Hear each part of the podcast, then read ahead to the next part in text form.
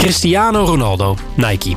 Lionel Messi, Adidas. Neymar, Puma. Wie naar het WK kijkt, ziet aan de kiksen al snel hoe de sponsortafel gedekt is. Iedere vedette wordt geclaimd en heeft in veel gevallen zelfs een signature shoe. Maar dat is niet per se iets van deze tijden. Al jaren vechten grote sportmerken driftig om de handtekening van de voetbalsterren. Behalve dan om de handtekening van Pelé, de Braziliaanse sterspeler die in de jaren 70 menig verdediging dronken speelde. In 1970 sloten Puma en Adidas, destijds de grootste spelers in de sportschoenenmarkt, een pact. De strijd om de exclusieve sponsordeal met Pelé zou veel te kostbaar zijn voor beide merken. En daarom zouden geen van de twee organisaties achter Pelé aangaan. Een nobele afspraak die al snel het Pelé-pact genoemd werd. Maar of dat pact stand hield, dat hoor je aan het eind van deze aflevering. Mijn naam is Mark Schoones. Ik ben Joris van Heukelom. En dit is Schokvast. Over artificial intelligence wordt veel onzin gefabriceerd. Sebastiaan Plasgaard, onze schokvastgast, bewijst het tegendeel. Hij laat AI voor zich werken. Door toepassingen in audio en video. Eén keer profilen en je stem is te beluisteren en te kijken. In 60 talen. Is dit magie? Nee, werkelijkheid. Denk aan een krant die geschreven nieuwsartikelen heeft. Die zetten wij vol automatisch om met synthetische stemmen naar een, een radiobulletin-achtig bulletin. Onze klant was matig enthousiast over de kwaliteit en verwachtte dat hun eigen kijkers ook dat cijfer zouden geven. Maar dat cijfer lag vele malen hoger. En uh, wij proberen al vanaf het begin af aan daar heel duidelijk in te zijn van wat onze, onze eigen missie is. En dat is dus niet om ermee te vervangen, maar dat is om hetgene wat er nu beschikbaar is, zodanig in te zetten dat je waar je nog gaten hebt voor je content, dat je die uitstekend kunt opvullen. Dit alles in deze schokvast met Sebastiaan van XS to Content. Zo wapen jij je tegen de waan van morgen. Het is weer prachtig, jongens. Hoe is ja, het? Ja, ik gooi hem om. Ja, ja het, is, het, het, blijft een verrassing voor de luisteraar. Omdenken. Omdenken. Omdenken, nou, Laten we dat woord niet gebruiken, dan krijg ik, ga ik altijd zo van schubben. Maar hoe is het met je? het is een verschrikkelijk woord. Ja, dat is echt verschrikkelijk, ja. Dat is echt heel erg. Ja. Weet je wat ik, weet je wat ik heb tegen dat woord? Nou, die hele school van omdenken wordt nu heel vaak gebezigd door mensen die allemaal zich elkaar napraten. Ja. Dat vind ik, oh, word ik zo agressief word ik ervan. Nee, maar dat is, dat is volledig correct. Overigens, het is, dit is volledig buiten het script om voor de mensen en de luisteraar. Ja. Maar, maar het woord omdenken wordt meestal uitsluitend gebruikt door mensen aan wie ik per definitie bij, bij aanvang al een hekel heb. En, en dat is mijn kleine mens zijn hoor, maar het is wel zo. Ja. Omdenken, nee, dat maakt ook bij mij persoonlijk heel veel los. Ja, en laat de luisteraar... Ja. ja dat, Want als je twee keer omdenkt, ja, dan ben je weer waar je was. Dan ben je weer, ben je weer waar je was. En, zie je, en zo komen we er niet uit. Nee. Uh, uh, hoe is het met je op deze ontzettend druilerige maandagmiddag? Nou ja, het is, het is, ik, heb de, ik heb de herfst en de winter geaccepteerd. Weet je, de zomer duurde tot het een week of twee geleden. En ondertussen is het druilerig en mistig. En de blaadjes eindelijk soort van allemaal van de bomen gevallen. Ja. Zie je hier en daar al mensen met een kerstboom in huis. Zeker. Sinterklaas is nog niet geweest. Dus ja, we, we gaan nu aftellen richting uh, ja, 20 december. Dan gaan de dagen weer langer worden. Ja. ja. En uh, ja, dat, dat, dat dus, Mark. Ja, ja, nee, het is, het is, het is druilerig. Het is altijd, wel altijd mooi hoe jij peilt hoe het met me gaat. Alsof, alsof ergens je denkt dat de, de, mentale toestand van Heukelom een beetje labiel is. Als jij wil insinueren dat ik mij structureel zorgen maak hoe het met jou gaat, dat, dat, dat klopt. Dat ja. Ik ben heel begaan met jouw welzijn. Misschien, absoluut. Ja, misschien moet je dat eens omdenken. Jij nog wat gezien? Ja, nee, absoluut. Kijk, wij nemen dit altijd ongeveer twee weekjes, ongeveer anderhalve week op voordat men dit dan gaat horen. En dat, dat, dat risico ligt dan in het feit dat ons nieuwsitem vaak gedateerd is. Dus, maar ik maakte me hier zo boos om dat ik dacht, nou ja, ik ga de, de uitzending gewoon in ieder geval gebruiken om mijn eigen agressie een beetje te uiten. Frustratie eruit gooien. Gooi het eruit. Ik, ik zag die, uh, die Gijs de Jong van de KVB. Oh, dat is niet moeders mooiste. Nee, die, nou ja, daar kan die man ook niks aan doen. Hè. We zijn niet allemaal tienen zoals, uh, zoals wij. Al hebben wij wel radiohoofden overigens. Maar goed, die zag ik dus uh, van de KVB. Die bestuurde Gijs de Jong. En die, um, die werd aangesproken op het feit dat, uh, dat de, de, de, bobo's van de KVB... dan geen One Love band om zouden doen, maar een speldje. Hè. Dat was de, al, vooraf de wedstrijden tegen Qatar... die we ongetwijfeld gewonnen hebben op het moment dat de luisteraar dit hoort. Klop, klop, klop het even af. Oh. Um, was dat het voornemen. Hè? We gaan geen band doen, maar we gaan een, een speltje doen. En toen Gijs de Jong daarover ondervraagd werd...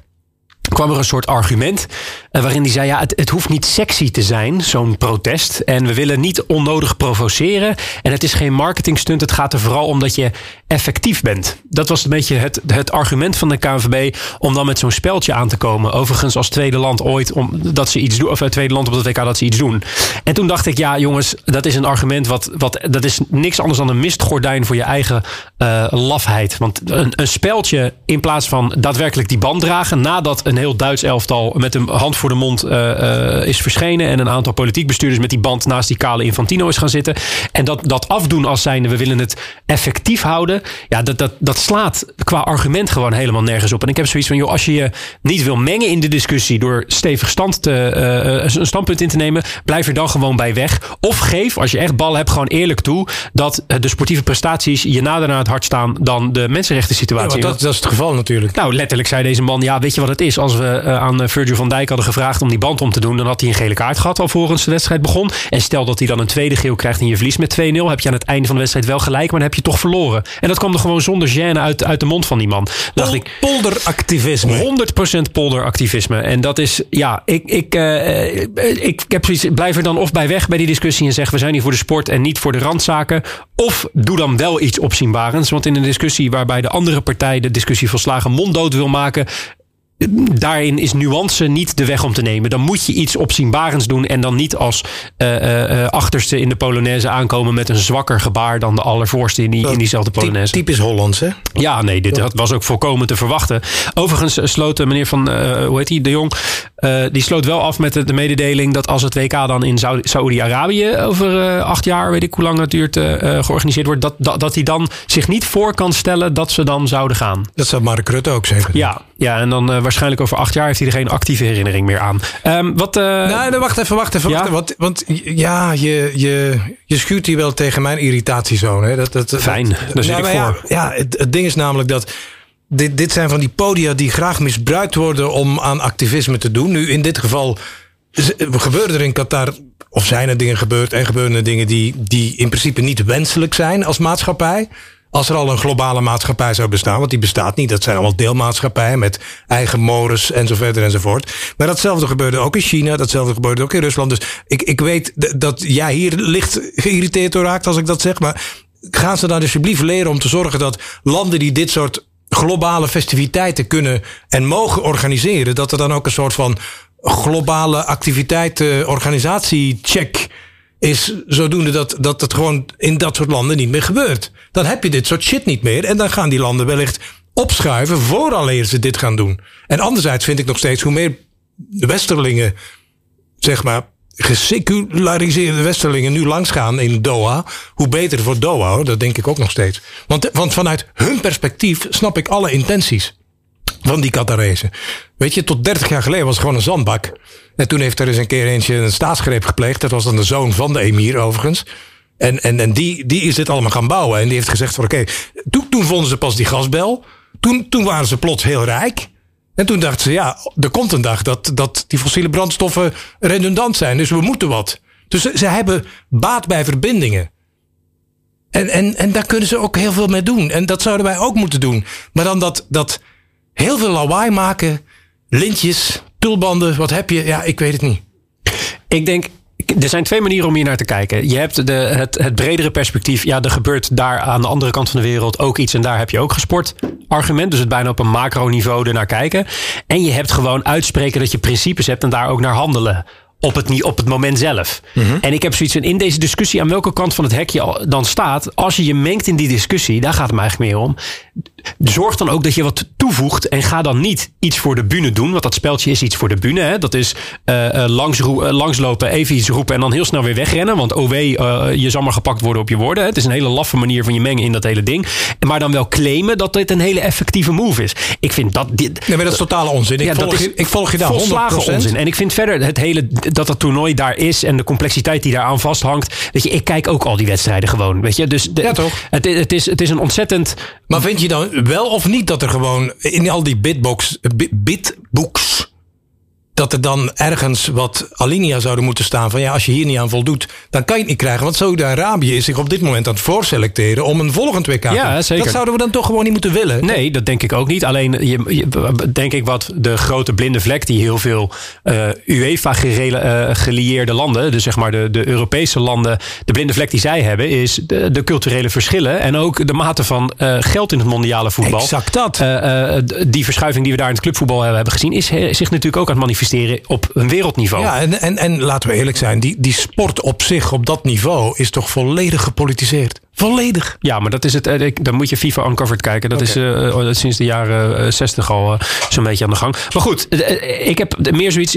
Als je dan iets doet, Nederland, KNVB, Gijs de Jong met je kale bad, d- eh, doe dan ook gewoon iets. Of hou gewoon je bek, want je hoeft niet per se er iets over te zeggen. Dat was, Ja. dat was mijn punt. En, maar goed, dit hoort de luisteraar dus pas over twee weken. Dus voor hetzelfde geld is Gijs de Jong in de rust, in, zijn blote reet geverfd in een regenboogkleur over het veld heen gesjouwd in de rust van Qatar Nederland. Ja. Je weet het niet, hè? Nee. Je weet het niet, maar dat is, dat is het risico van zo ver van tevoren Dan opnemen. zou je wel trots zijn, hè? Ik zou zeer trots zijn op Gijs de Jong en dan bij deze alvast excuses aan hem. Fantastische eh, surprise act. Ja, toch? Ik zag hem niet aankomen. Een hele goede man. Een hele goeie vent. Ja, Een, een van de betere de Ja, misschien moeten we een soort AB-opname doen. Dus dat we een ene keer een, een, een, een ene variant doen we een veer in zijn reet steken. En die blote reet met die Ja, ja, ja, regenboog. ja? Je ja. hebt het beeld, Ik ben visueel ingesteld. En die andere kunnen we dan de originele opname Nou, je, hebt, voor je hebt in ieder geval Gijs de Jong omgedacht. Dat, is goed. Eh, dat is absoluut waar. Vertel, jij had, ja, je stuurde een filmpje door. Ja, ik wat- vertel, wat, wat, wat moeten we daarvan vinden? Nou, zeg het eens. Wat, wat gebeurt er nou? Die Marokkanen spelen tegen, tegen België en die winnen. En ik vond dat prachtig, ondanks het feit dat ik een Belg ben. Als je dan gaat verliezen van Marokko, weet je, die, die team effort die is natuurlijk fantastisch. Ja. Ehm, over die voetbal moeten we, weet je, dat mensen gaan dan zeggen: En gaat het alweer met je? Ik denk van joh. Tegen jou als Belg. Ja, zo boeit het mij ook weer niet. Maar ik vind het leuk, hè? Ik vind, ik vind het leuk om naar te kijken. Maar de- ja, dan denk ik, ik vind van Marokko verliezen vond ik eigenlijk ook wel plezierig op een bepaalde manier. Maar toen ontstonden her en der in de landen, in Brussel, in Den Haag, in Rotterdam, eh, gingen spontaan steps, auto's en andere dingen in de fik. Ja. En dat is natuurlijk eh, wel een beetje jammer. En, en, en toen kwam ik op dit filmpje. Moeten we even goed naar luisteren, want het duurt even. Maar het is best interessant om elk woord even te wikken en te wegen. Uh, Assalamu alaikum, uh, beste mensen. Subhanallah, ik kook echt van binnen. Wallah, dat mogen jullie van best wel weten. Uh, ik heb zitten na te denken om wel video maken, niet video te maken, om boos te worden, om te schreeuwen, om hard te zijn. Maar ik zal proberen om gewoon rustig te blijven, inshallah. Jullie weten waar ik naartoe wil gaan. Jullie hebben allemaal die beelden gezien, die verschrikkelijke beelden, die rellen in België. En uh, de ME die is uitgerukt in Den Haag, in Rotterdam. Waarom? Waarom, Asahabi? Waarom moet het zo ver komen? Waarom moeten wij het altijd verpesten? Even serieus, waarom moeten wij het altijd verpesten? Waarom kunnen wij naar een potje voetbal, een leuke voetbal, die jongens die voor leuke voetbal hebben gezorgd, dan heb ik het over de spelers, waar we trots op moeten zijn, dan maken jullie ze weer helemaal kapot. En niet alleen maar hun, maar de alle, de hele gemeenschap, subhanallah. En vooral de islam. Want nu, de media gaat de islam erbij betrekken. Marokkanen gaan ze erbij betrekken. En dan gaan jullie weer zeggen, ja, racisten, hun zijn racisten. Jullie maken ze racisten. Dat doen jullie zelf. Daar zorgen jullie zelf voor. Jullie geven Wilders nog meer werk. Jullie geven die collega van Wilders in België nog meer werk. Nog meer werk. Dankzij jullie, dat doen jullie zelf. Hoe kunnen jullie lachen op beelden en trots zijn dat jullie alles hebben vernield, subhanallah. Dat jullie steppen in de fik gooien, auto's uh, omkantelen in de fik gooien en ga zo maar door. Is dit van de islam? Is dit het visitekaartje van de islam, subhanallah? Is dit het? Allahum staan. Ja. Je dat de straten geen rechten, hun rechten hebben bij Allah subhanahu wa ta'ala? Ook de straten hebben hun rechten, subhanallah. Denk jij dat je er hier onderuit komt, Yom al-Qiyamah, op de dag des oordeels? Denk jij dat je hier eronder uitkomt? Nou, echt niet. Je zal je moeten verantwoorden, Yom al-Qiyamah, wat je deze dag hebt uitgesproken, subhanallah. Hoe kunnen jullie hier geitjes over maken? Hoe kunnen jullie dit nog filmen? Het ergste is, jullie filmen hem. Ja, en hij, hij, blijft, blijft nog, hij, gaat nog even door. Hoor. De- maar de, de, überhaupt de, de, de Arabische tekst die hier tussen gezegd wordt. Ik heb geen idee wat daar allemaal gezegd wordt. Dus daarvoor een kleine disclaimer. Want dat zouden wellicht hele rare dingen kunnen zijn. Maar wat hij in Nederland zegt, wat ik wel begrijp. Ja, ik, ik, ik, ik werd daar wel. Ja, blij is, is het niet. Maar kijk, ik leef in een wereld waar. ehm, ja, ik meestal, eigenlijk bijna altijd, of het nou Turken, Marokkanen of whatever is. Een beetje toegelachen wordt. En dan denk ik altijd, wat een lieve, wat een lieve mensen allemaal. Ehm, en, en als dat dan gebeurt, dat is in ieder geval koren op de molen. Is dat de juiste Ja, zeker. Voor inderdaad, dit, dit fuelt. Dit is de brandstof voor mensen zoals, zoals Wilders en anderen. Want ik denk van ja, die moet nu gewoon weer gaan roepen. Zie je wel, het gaat helemaal mis. En, en, en deze man, die, dit was een one-taker. En ik vond, ik vond het in alles gewoon een hele goede boodschap. En, en ik hoop dat die boodschap ook doorfiltert in die gemeenschappen. Ehm, ja, en, en dat, dat dat daar een dialoog tot stand brengt. En een inzicht. Want het is natuurlijk echt van de zotte. Dat al die auto's, dat, dat is toch niet nodig? Je hebt gewonnen. Ja, Maar überhaupt, ook als je verliest, zou dat niet nodig zijn. Nee, nee, nee, ja. maar het is eh, de, eh, als je verliest in de 90ste minuut en je krijgt een onterechte penalty voor het, eh, om je oren en je, je gaat er daardoor uit. En dan kan ik me voorstellen dat er vanuit groepsdynamiek dingen ontstaan die niet wenselijk zijn. Maar hier is het gewoon een, een, een- blijkbaar een opgekropte massale frustratie die er dan Ja. op zo'n moment uitkomt. En En dan ook weer iets om over na te denken hè, voor ons. Hè, van waar komt die frustratie vandaan? En kunnen we 100%. helpen om, om daar wat Tuurlijk. stoom af te laten met z'n allen. Maar laten we toch een beetje lief zijn. Ik vond dat deze man... Ik, vond, ik, ik heb er eigenlijk niet veel aan toe te voegen, zoals je merkt. Nee. Ik vond het wel goed om hier in de schokvast even... Ja, gewoon eh, airtime te geven. Ja. Ik ken hem niet, ik weet niet wie het is. Ik vond het fantastisch. Ja, nee, het is een, zeer, compleet, eh, zeer compleet betoog. Nee, 100%, eh, 100% gelijk. Ik ben ook heel benieuwd eh, hoe, hoe er dan vanuit de jongens aangekeken wordt naar, tegen zo'n betoog. Of dat dan anders landt, omdat die man zelf ogenschijnlijk van Marokkaanse komaf is. Eh, of in ieder geval ook eh, Arabisch spreekt in dit geval. Eh, of, dat, of dat dan anders, of dat eff- effectiever is dan, dan wanneer iemand... Ik denk het wel. Hij refereert ook aan religie, hè, heel ja, ja, duidelijk. ja. Ja, eh, ja, wat hij zegt over de straat. dat- ja, dat is eigenlijk is het een hele mooie boodschap als je Ja. nog eens naar luistert. ja. Goed. Nou, we gaan het zien. Hè. Tot, tot zover de stichtende woorden van iemand die ik niet ken. Zeker, zeker Ja. weten. Zullen wij naar de gast gaan? Is dat een idee? Dat is een buitengewoon goed idee. Een algemeen geldend principe in de innovatiekeuken luidt als volgt. Over nieuwe dingen wordt altijd veel meer gebabbeld dan mee gedaan. Sebastiaan Plasgaard bewijst het tegendeel. Hij laat artificial intelligence voor hem werken door toepassingen in audio en video. Eén keer profilen en je stem is te beluisteren in 60 talen. Geen magie, maar werkelijkheid. Met aan het hoofd van de Magical Moment Show, Sebastiaan Plasgaard. Dag Sebastiaan. Dag. Heb jij er lang over na moeten denken om, om niet gewoon een, een, een sampletje van je eigen stem op te sturen in plaats van dat je hier naartoe eh, fysiek kwam? Of, of zijn we nog niet zo ver met de techniek? Daar heb ik niet lang over na. Wat goed. Hey, eh, access for content. We, we, vragen altijd aan de gast om eens eventjes het, het tafeltje te dekken, so to speak. Ehm, wat doet het? Access to content ehm, vermenigvuldigt bestaande vormen van content naar andere vormen. En eh, om dat met een voorbeeld te doen, ehm, denk aan een krant die geschreven nieuwsartikelen heeft ehm, en die dat ook bereikbaar wil krijgen in de trein, op de fiets ehm, of op andere plekken. Die zetten wij vol automatisch om met synthetische stemmen naar een, een radiobulletin-achtig bulletin. Juist. Dus tekst input en audio, video, output. Zeg Ja. ik dat juist? Ja, dat kan dus inderdaad en audio zijn en video zijn. Ehm, en daar voegen we avatars aan toe, indien nodig. Ehm, maar we kunnen ook andere vormen doen. Dus dit is van tekst naar eh, audio, maar we kunnen ook van video terug naar tekst. Of video vol automatisch vertalen en zelfs gelipsynct vertalen. Dus eigenlijk, eigenlijk kan alles heen en weer, omgedacht. En, en terug de dubbele flikvlak richting eh, video in 60 talen. Eh, ik, Ja. ik noemde het in de intro, want, want dat is natuurlijk altijd een beetje mijn moment. Hè? Ik, ik, ik wil ook altijd een beetje spreekstalmeester zijn. En dit is mijn moment van de week. Ik ben blij dat je het zelf toegeeft. Dat, dat, dat mag. En dan, ik, ik had het over de, de Magical Moment Show. Hè? Eh, ik zag je al kijken van Heukel om gedraag je. Ehm, ik kan me ook wel voorstellen als je het zo uitlegt. Dat heel veel van onze luisteraars of nu al afgehaakt zijn. Dat is dan doodzonde. Maar voor de mensen die nog wel bezig zijn. En, en dat die denken van ik begrijp het toch niet helemaal. Maar je hebt een aantal fragmenten.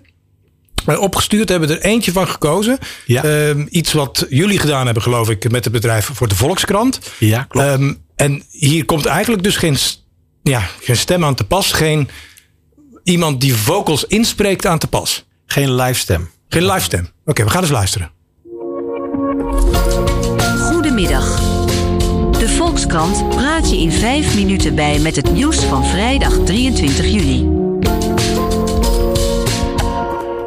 Premier Rutte maakt alsnog excuses voor de coronaversoepelingen. Oké, wat hebben we nou gehoord? Uh, je hoort hier uh, tekst van de Volkskrant, geschreven tekst van de Volkskrant. Um, waarbij uh, we met een, dat noemen we soundscaping, dus het geluid wat erachter zit. Een bedje, een intro, een bumper. Um, de tekst in de vormgeving zetten van de Volkskrant met een kunstmatige stem. En deze kunstmatige stem is specifiek dan de stem van Microsoft Azure, uh, ook wel bekend als Colette. Um, en die zou je door iedere andere stem ook kunnen invullen. En ik, ik was in de, in de aanloop naar deze opname een beetje research aan het doen. Toen kwam ik op jullie YouTube-account terecht.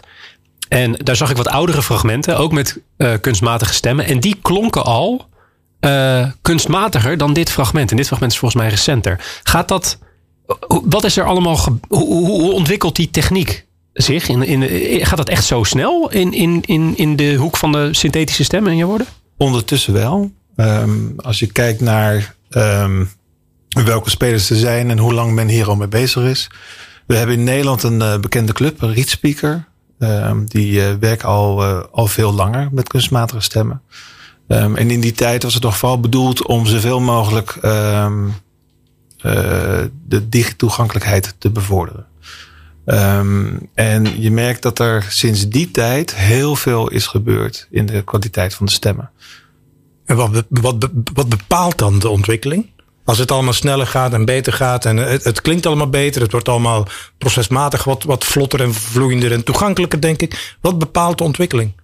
Nou, op, op dit moment eigenlijk uh, rekenkracht is, uh, is een hele belangrijke, een belangrijk onderdeel daarvan. Uh, de, de, de, grote, de grote jongens zijn ook aangesloten, een Google, een AWS of een um, Microsoft. Um, en die, die werken veel meer op basis van brute kracht. Um, en voor iedere stem is een taalmodel nodig, of in ieder geval in de meeste gevallen.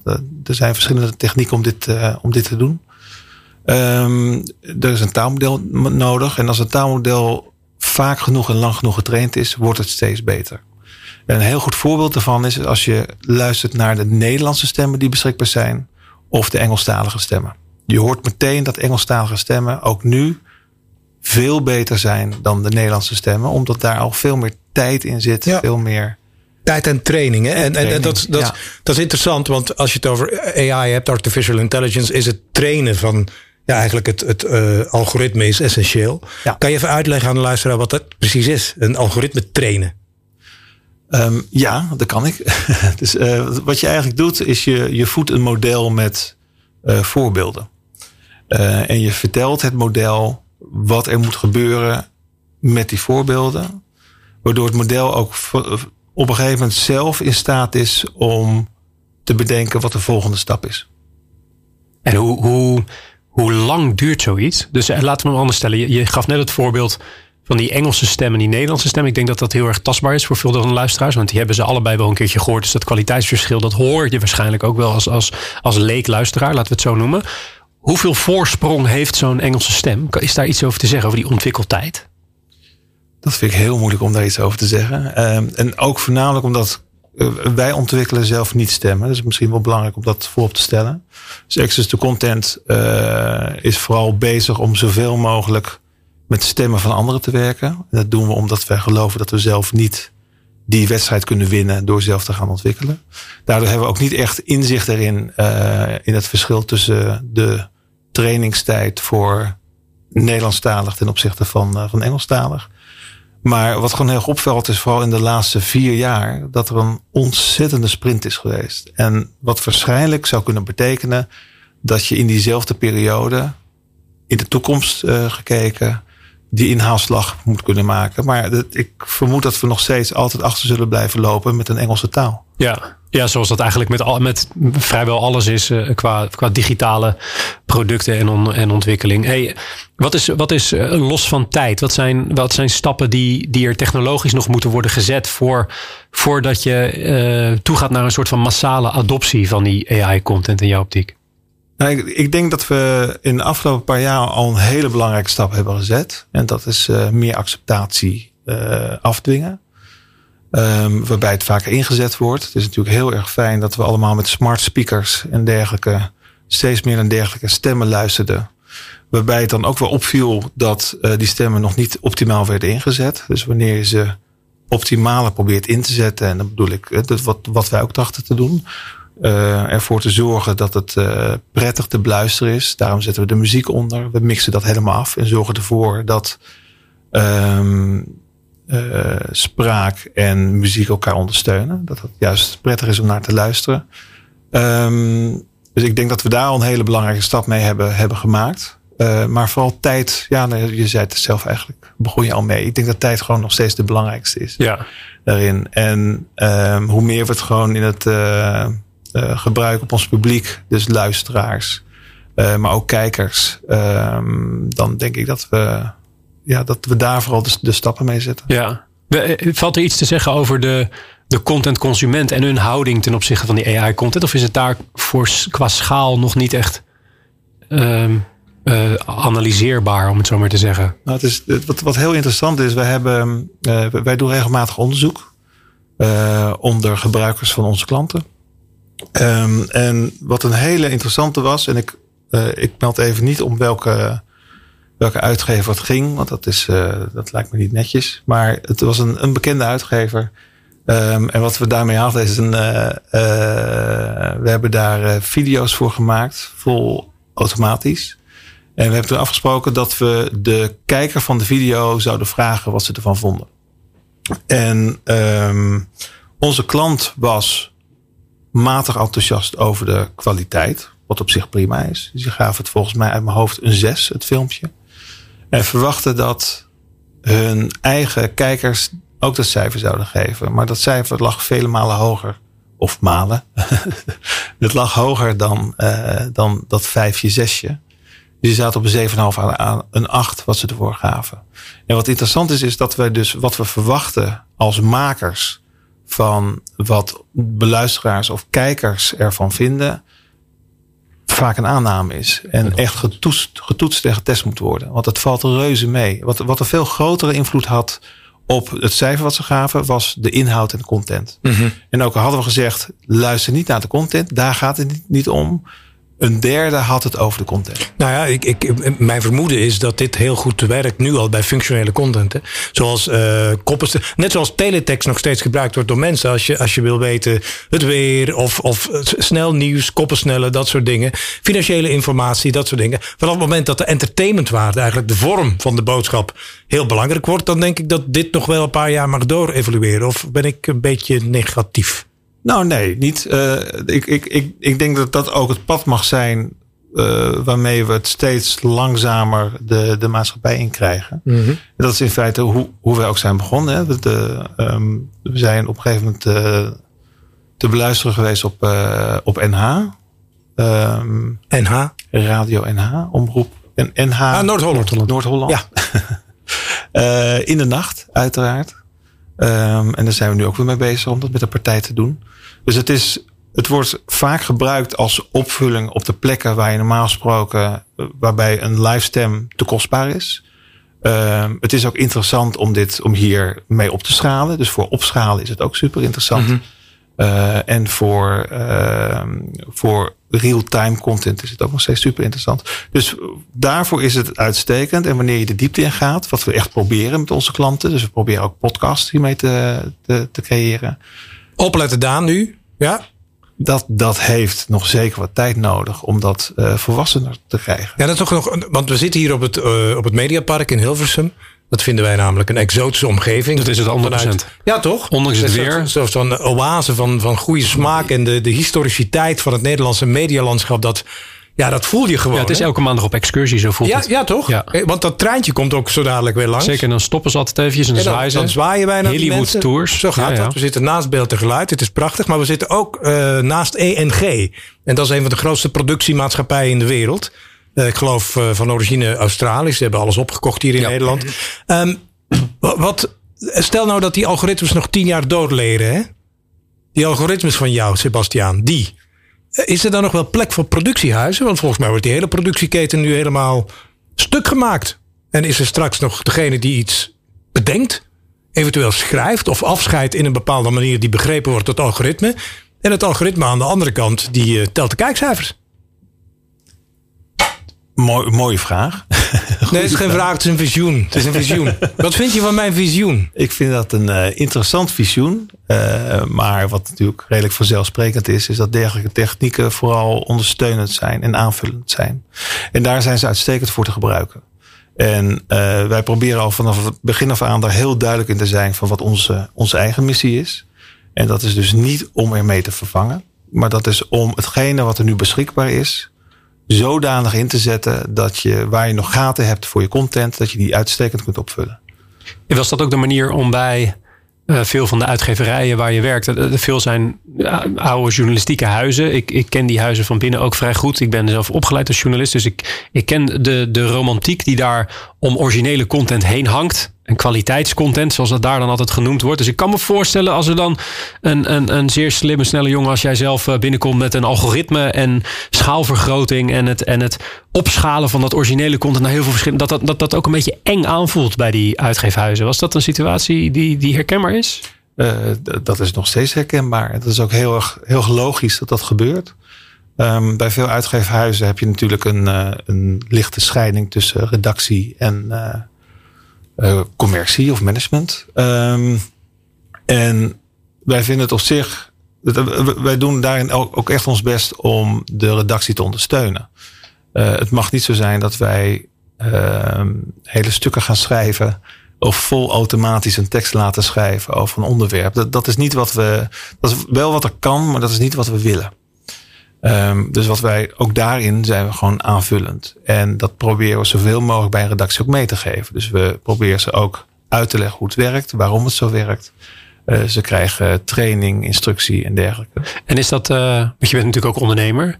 Ja. Is dit de situatie waarin jouw onderneming zich nu bevindt? Of is dit ook de missie waar je de rest van het bedrijf in de komende jaren op wil bouwen? Vraag onder de vraag is: ga je niet uiteindelijk verbreden richting toch wel die totaaloplossing en het originele maken? Ja, nee, dat, dat is, dit is niet. Die aanloop proberen we nu niet te nemen. Um, het is wel zo dat dit ook de visie is voor de komende jaren. Hoe we naar kijken. En um, want wat we eigenlijk. Waar we ons eerder op willen focussen, is dat we meer van die. Uh, van de, de scope pakken qua breedte. Dus uh, wat we nu al hebben gedaan, we begonnen met van tekst naar radioachtige bulletins. Uh, daar doen we nu ook vertalingen bij en dergelijke. Dus we proberen die scope beter, breder te trekken. Um, en we zijn niet aan het proberen om inderdaad het, uh, het hele traject te. Nee, je bent, je bent echt een stuk gereedschap voor de originele maker en niet zozeer de originele maker in spe. Is dat ja. correct? Ja, dat klopt. Hey Sebastian, de, de, de omloopsnelheid van jouw woorden, dat is overigens niet uh, de verklaring van snapsnelheid, maar de omloopsnelheid van jouw woorden ligt gemiddeld wat trager dan bij de meeste gasten die we hebben. Um, en dat vinden we heel plezierig. Daar worden we zelf ook wat, wat rustiger van. Maar... Ik ben een toonbeeld van rust ja, momenteel. Nee, ja, ja, eindelijk. Ja, eindelijk. Ja. En, en dus wij, ja, wij, wij, wij vullen ons hart daarmee. Maar ik ga gewoon de vraag maar stellen. Want je bent een developer. Dus op, op een schaal van 0 tot 10. Uh, de nerdenschaal. Wat, waar, waar zit je dan? 0 is niet nerdish en 10 is uh, maximaal nerdish. Wat voor nerd ben je dan? Um, vanuit uit mijn eigen perspectief of vanuit mijn omgeving? Oeh. Dat is een hele goede beide, tegenvraag. Beide en dan pakken wij het gemiddelde. Goed? Oké, okay, is mooi. is mooi. Um, ik, uh, ik denk dat mijn omgeving mij op een zes of een zeven misschien inschat. Hmm. En ik mezelf, nee, andersom. Ik denk mijn omgeving op een acht en ik eerder op een zes. Oké. Okay. Ik denk dat dat het eerder wat, wat, wat, wat betekent dat nerd zijn voor jouw rol in het bedrijf? Als je bent, bedoel, je bent ondernemer slash eigenaar. Maar wat, wat doe je op een dag binnen het bedrijf? Uh, nou, we zijn nog een, een start-up. Hè? Of we zitten nog net in die fase. Uh, wat betekent dat je toch wel alles oppakt wat je op kan pakken. Uh, maar mijn rol is wel echt het, het bouwen en het ontwerpen van de applicatie die we hebben. Um, dus daar ben ik vooral mee bezig. Dus het is echt ontwikkelen, uh, programmeren. Ja, precies. En um, en ik, ik begrijp jouw vraag, uh, Joris, uh, waar die vandaan komt. Ik ben niet altijd programmeur geweest. Um, en dat is voor mij ook de reden dat ik me niet altijd volledig voor de volle 100% een nerd zal voelen. Nee, maar weet je, het woord nerd moeten we er ook niet te veel cultiveren. Want, want het, ik zou hem ook... Jij kunnen- begon nog over. Dat ben ik met je eens. Dat, dat ben ik met je eens. Eh, er zijn mensen die zouden boos geworden zijn. Maar, of, of, of dit volledig ontkent. Maar we kunnen dat woord nu even ook weglaten. Jij kan gewoon echt dingen maken. Jij kan code. En, en, en ja, dat noemen ze dan wel eens. De niet-nerds noemen dat dan een nerd. Toch? Ja, ja, ik weet niet waarom je mij ineens aankijkt. Maar, Oh. maar, Ben je ook een nerd? Nee, blijkbaar niet. Nee. Nee, ik vertrouw op jouw kompas volledig. Ja. Maar je hebt jezelf dus gemaakt, hè? Ja, ehm, Nou, ik, ik, ik bedoel, we moeten niet helemaal teruggaan tot... eh, begrijp ik. Begrijp. ik. Nee. Nee, de, de, de, de, de tijd heeft mij een beetje gemaakt. Eh, ik ben af, afgestudeerd, eh, afgestudeerd als architect op een heel ander terrein. Dus niet, niet IT of ICT-architect. Delft, toch? Delft, Ja. ja. Eh, in die tijd ben ik al begonnen met mijn eerste bedrijf. Het was een IT-bedrijf. Wij bouwden eh, eh, CMS'en en een van de eerste nieuwsbrieftools en, en, en dergelijke. Eh, dat heb ik ehm, verkocht in 2009 uit mijn hoofd. Ehm, en wat ik heel erg merkte, ik had altijd ehm, programmeurs in dienst. Ik kon zelf een beetje programmeren. Zat meer aan de frontend, dus HTML, CSS. En ik vond het uitermate irritant dat zij dat wel konden en ik niet. En ik merkte ook dat ik daardoor niet altijd de juiste keuzes maakte als ondernemer. Dus ik wilde daar meer mee. Ehm, en ben toen inderdaad aan de slag gegaan om mezelf er meer in, eh, in te leren. Ehm ben toen naar Nijrode gegaan. Heb daar een eh, jaar of acht les gegeven in rapid prototyping en eh, online marketing. Eh, en vooral zelf daarnaast bezig geweest om het liefst één keer per maand een nieuw bedrijf op te zetten. Een soort online, iedere keer een online applicatie te bouwen. Dat heb ik een jaar lang volgehouden. Had je Eh, twaalf bedrijven? toen had ik eh, ja, nou, niet volwaardig bedrijven. Aan, vaak een aanzet tot een bedrijf en soms een volwaardig bedrijf. Oké. En eh, daar heb ik heel veel van geleerd. Dat heeft mij heel, heel veel gedaan. Was dat, een, was dat een vooropgezet plan om dat elke maand te gaan doen? Of was dat iets waar je in Eh, ik rolde in een vooropgezet plan, zou ik dan eerder zeggen. Dus het, het, het- ik rolde erin en op een gegeven moment zei ik van, weet je wat ik ga doen? Ik ga dit gewoon proberen een, eh, een jaar vol te houden. En ik begon met een bedrijf per dag. Dat was geen optie. Dat, was, dat, dat hield ik niet lang vol. Eh, maar ehm, ja, en, en de rest, het is, eh, sommige dingen waren hartstikke leuk, maar sommige dingen hoeven we niet eens over te hebben. Wat ontzettend cool verhaal dit. Ja, dat is een goed verhaal, ja. ja. Dit Wat- is echt een goed verhaal. Wat, eh, wat, is, wat is van die twaalf bijna bedrijven of, en, en, en, en producten? Wat, wat is degene die eh, de meeste potentie heeft nu nog? Of zeg maar, wat is je, je, je lievelingetje uit dat rijtje en waarom? Eh, er, zijn, er zijn er twee. Ehm, eentje is eh, Content Tree, was dat. Eh content Boom, zeg maar. Ehm, en wat we daar, of wat we, wat ik daarin, eh, zo grappig hè, dat mensen die een onderneming hebben en alleen doen al meteen we en wij Ja, zeggen. maar dat, dat klopt ook. hè. Het is namelijk jij als natuurlijk persoon samen met de niet-natuurlijke rechtspersoon de onderneming. Dus je bent altijd in het, in het goddelijke meevaart. Ja, je bent nooit alleen. Nee. Ja, het, het mag. Het mag. Nee, wat, eh, waar dat om ging, was om vanuit de organisatie eh, content naar boven te krijgen. Eh, waarbij iedere werknemer in een grote organisatie een account krijgt. Ehm, en iedere dag de vraag krijgt van wat speelt er voor jou op dit moment in jouw vakgebied binnen dit bedrijf. Ehm, en dan konden ze dan een top drie geven. Ik begon met iedere dag, dat, dat werd iedere week. Ehm, en het idee was dat je daar allemaal onderwerpen uit kreeg als contentafdeling binnen een bedrijf. En daarmee dan content kon genereren eh, voor de newsroom of voor eh, waar je het ook voor wilde gebruiken. Dat was een hele leuke. En op het moment dat ik live ging met een, eh, met een pilot bij een bedrijf, kwam Facebook net aan met een dergelijke omgeving. Ja. Eh, het was op exact dezelfde dag. Eh, en toen hield alles op. Facebook Workplace of zo heette dat volgens Ja, mij toch? ja. ja, ja, ja, klopt. Ja. En dat was ongeveer dezelfde opzet. En een ander bedrijf waar ik ook lang mee bezig ben geweest. Dat was, iedereen heeft wel in zijn leven je eigen gou- gouden idee, denk ik. Van je zou ooit dit moeten doen. En dan, eh, dat is een geweldig idee. En dat was dit ook. En dat heette Thinkdoms. En dat ging om een, ehm, een, een wallet van je eigen fysieke producten. eh, die je bijhield. En op het moment dat je iets wilde kopen, dat je dan werd gekeken naar wat jij in je wallet hebt. Dus je fiets, je telefoon, eh, noem maar op. En dat werd gekeken wat andere mensen met dezelfde collectie aan spullen. Wat zij dan voor dat specifieke nieuwe ding wat je zou willen kopen. Wat zij dan gebruiken, wat zij hebben. Of dat dan aansluit op jouw collectie. daar ben ik lang mee bezig geweest. Vond ik, vind ik nog steeds heel erg leuk. Maar ik heb net vorige week de domeinnaam verkocht. dus het houdt op. Oké, nou, weg, droom. Ja. Um, maar iets meer generiek had je het over. Dit heeft mij wel wat geleerd. Er zijn wel, er zijn wel wat lessen uit te trekken hè? uit dat jaar en die, die verschillende ondernemingen, start-ups, initiatieven. Kan je enkele lessen delen? Nou ja, eh, loslaten is natuurlijk, uh, denk ik, redelijk vanzelfsprekend dat dat belangrijk is. Um, ik heb met mijn eerste bedrijf, wat ik toen verkocht heb, te lang rondgelopen. Ik had eerder, dat zeg ik nu achteraf, had ik daar een, een, een, eind aan mogen maken door het te verkopen of, of wat dan ook. Um, ik denk ook vooral de les die ik zelf, wat ik een hele belangrijke les vind, is om alles wat ik doe om te begrijpen waar het op gebaseerd is. Dus om de, de techniek goed te begrijpen als het om techniek gaat. En om de, de marktwerking goed te begrijpen. Ik denk dat dat uh, gewoon echt heel erg belangrijk is. En datgene wat natuurlijk tegenwoordig heel erg een ding is. Um, met Lean en met uh, Business Model Canvas. Is dat je eerst test bij je, um, bij je doelgroep. Um, uh, of er überhaupt vraag naar is, naar, naar wat, je, wat je maakt. En wat interessant is, is als je dat twaalf keer doet, dat ook de twaalfde keer dat je nog steeds dezelfde fouten daarin maakt. En nog steeds dezelfde aannames daarin hebt. Het is iets natuurlijks waar je kennelijk niets aan kan doen.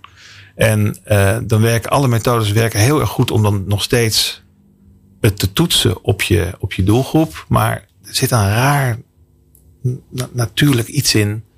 Waardoor het gewoon heel moeilijk is om dat te onderdrukken. Om toch te denken van nee, dit is waar mensen echt behoefte aan hebben.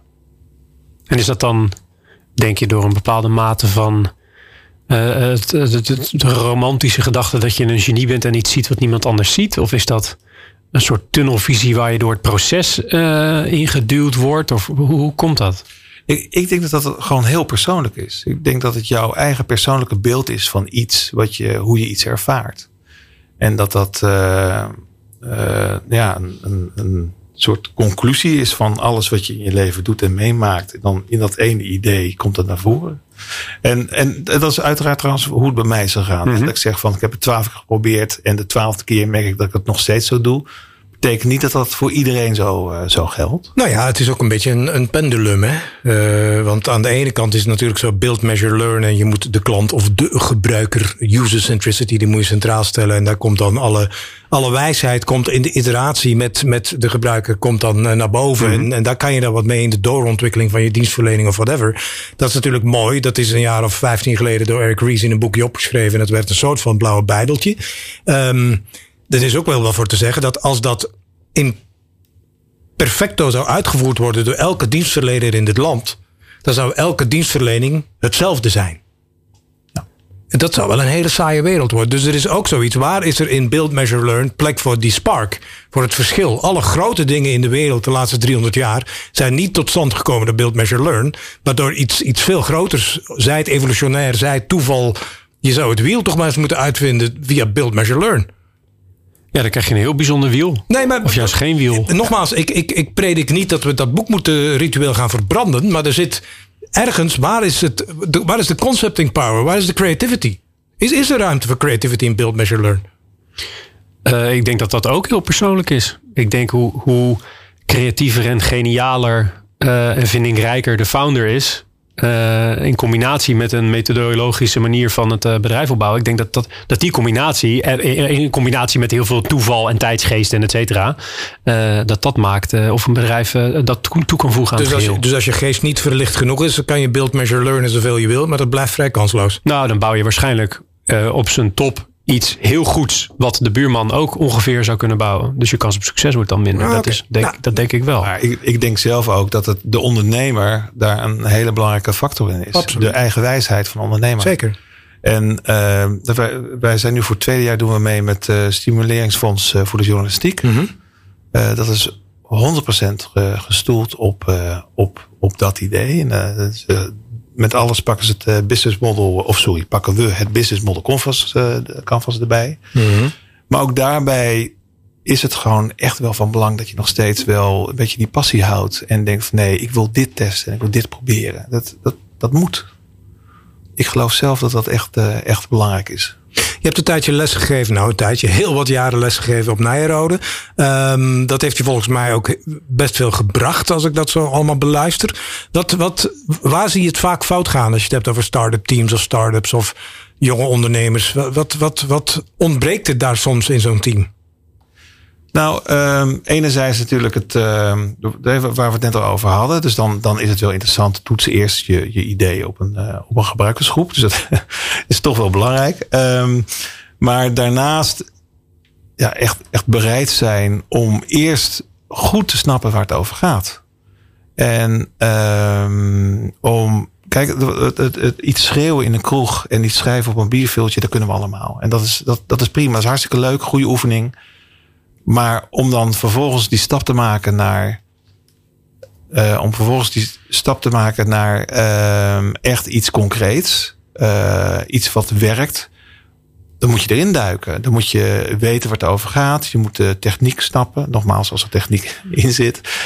de mensen snappen. De markt begrijpen. en dat heeft tijd nodig. Dat doe je niet 1, 2, 3. En je moet bereid zijn om dat te doen. En je had het net over loslaten, over uh, een van die uh, eerste bedrijven. Dat dat uh, een van de dingen was dat je te laat hebt gedaan. Nu ben je met Access bezig aan een volgend ritje. Heb je al ergens een, een, soort van moment of een mijlpaal in je hoofd? Of misschien een tijdsspanne waarin je denkt: oké, okay, dan moet ik gaan voelen dat ik het, ga los, dat ik het moet loslaten. We zullen het niet verder vertellen. nou, als het alleen onder ons blijft. nee, het, het, het, het, wat uh, daar is het nog veel te vroeg voor. En het is er nog veel te vroeg voor omdat we net een, een belangrijke metamorfose, metamorfose aan het doormaken zijn. Zeg ik het goed? Ja, geloof het wel. Um, waarbij we proberen om het, uh, het product wat we hebben, de applicatie die we hebben, um, dat onze klanten daar zelf mee kunnen spelen. Dat is gewoon erg belangrijk. Dat je een eigen productiestraat zeg maar, kan inrichten en kan, kan aanpassen. Um, en daarmee is het nog zo vroeg dat we niet, nog niet kunnen, kunnen inzien wat de volgende stap zou zijn. Ja, wat, wat Access to Content eigenlijk is, wat, we hebben een platform waarbij we allemaal verschillende tools verzamelen en aanvullen met onze eigen tools. Um, en we doen dit pas net, ja, bijna drie jaar. We zijn in 2020 begonnen. Um, dus we moeten eerst de volgende stap zien voordat we weten wat, wat het einddoel zou zijn. Zo'n soort product is het niet. En is er een, uh, een volgend idee wat er al in je hoofd zit?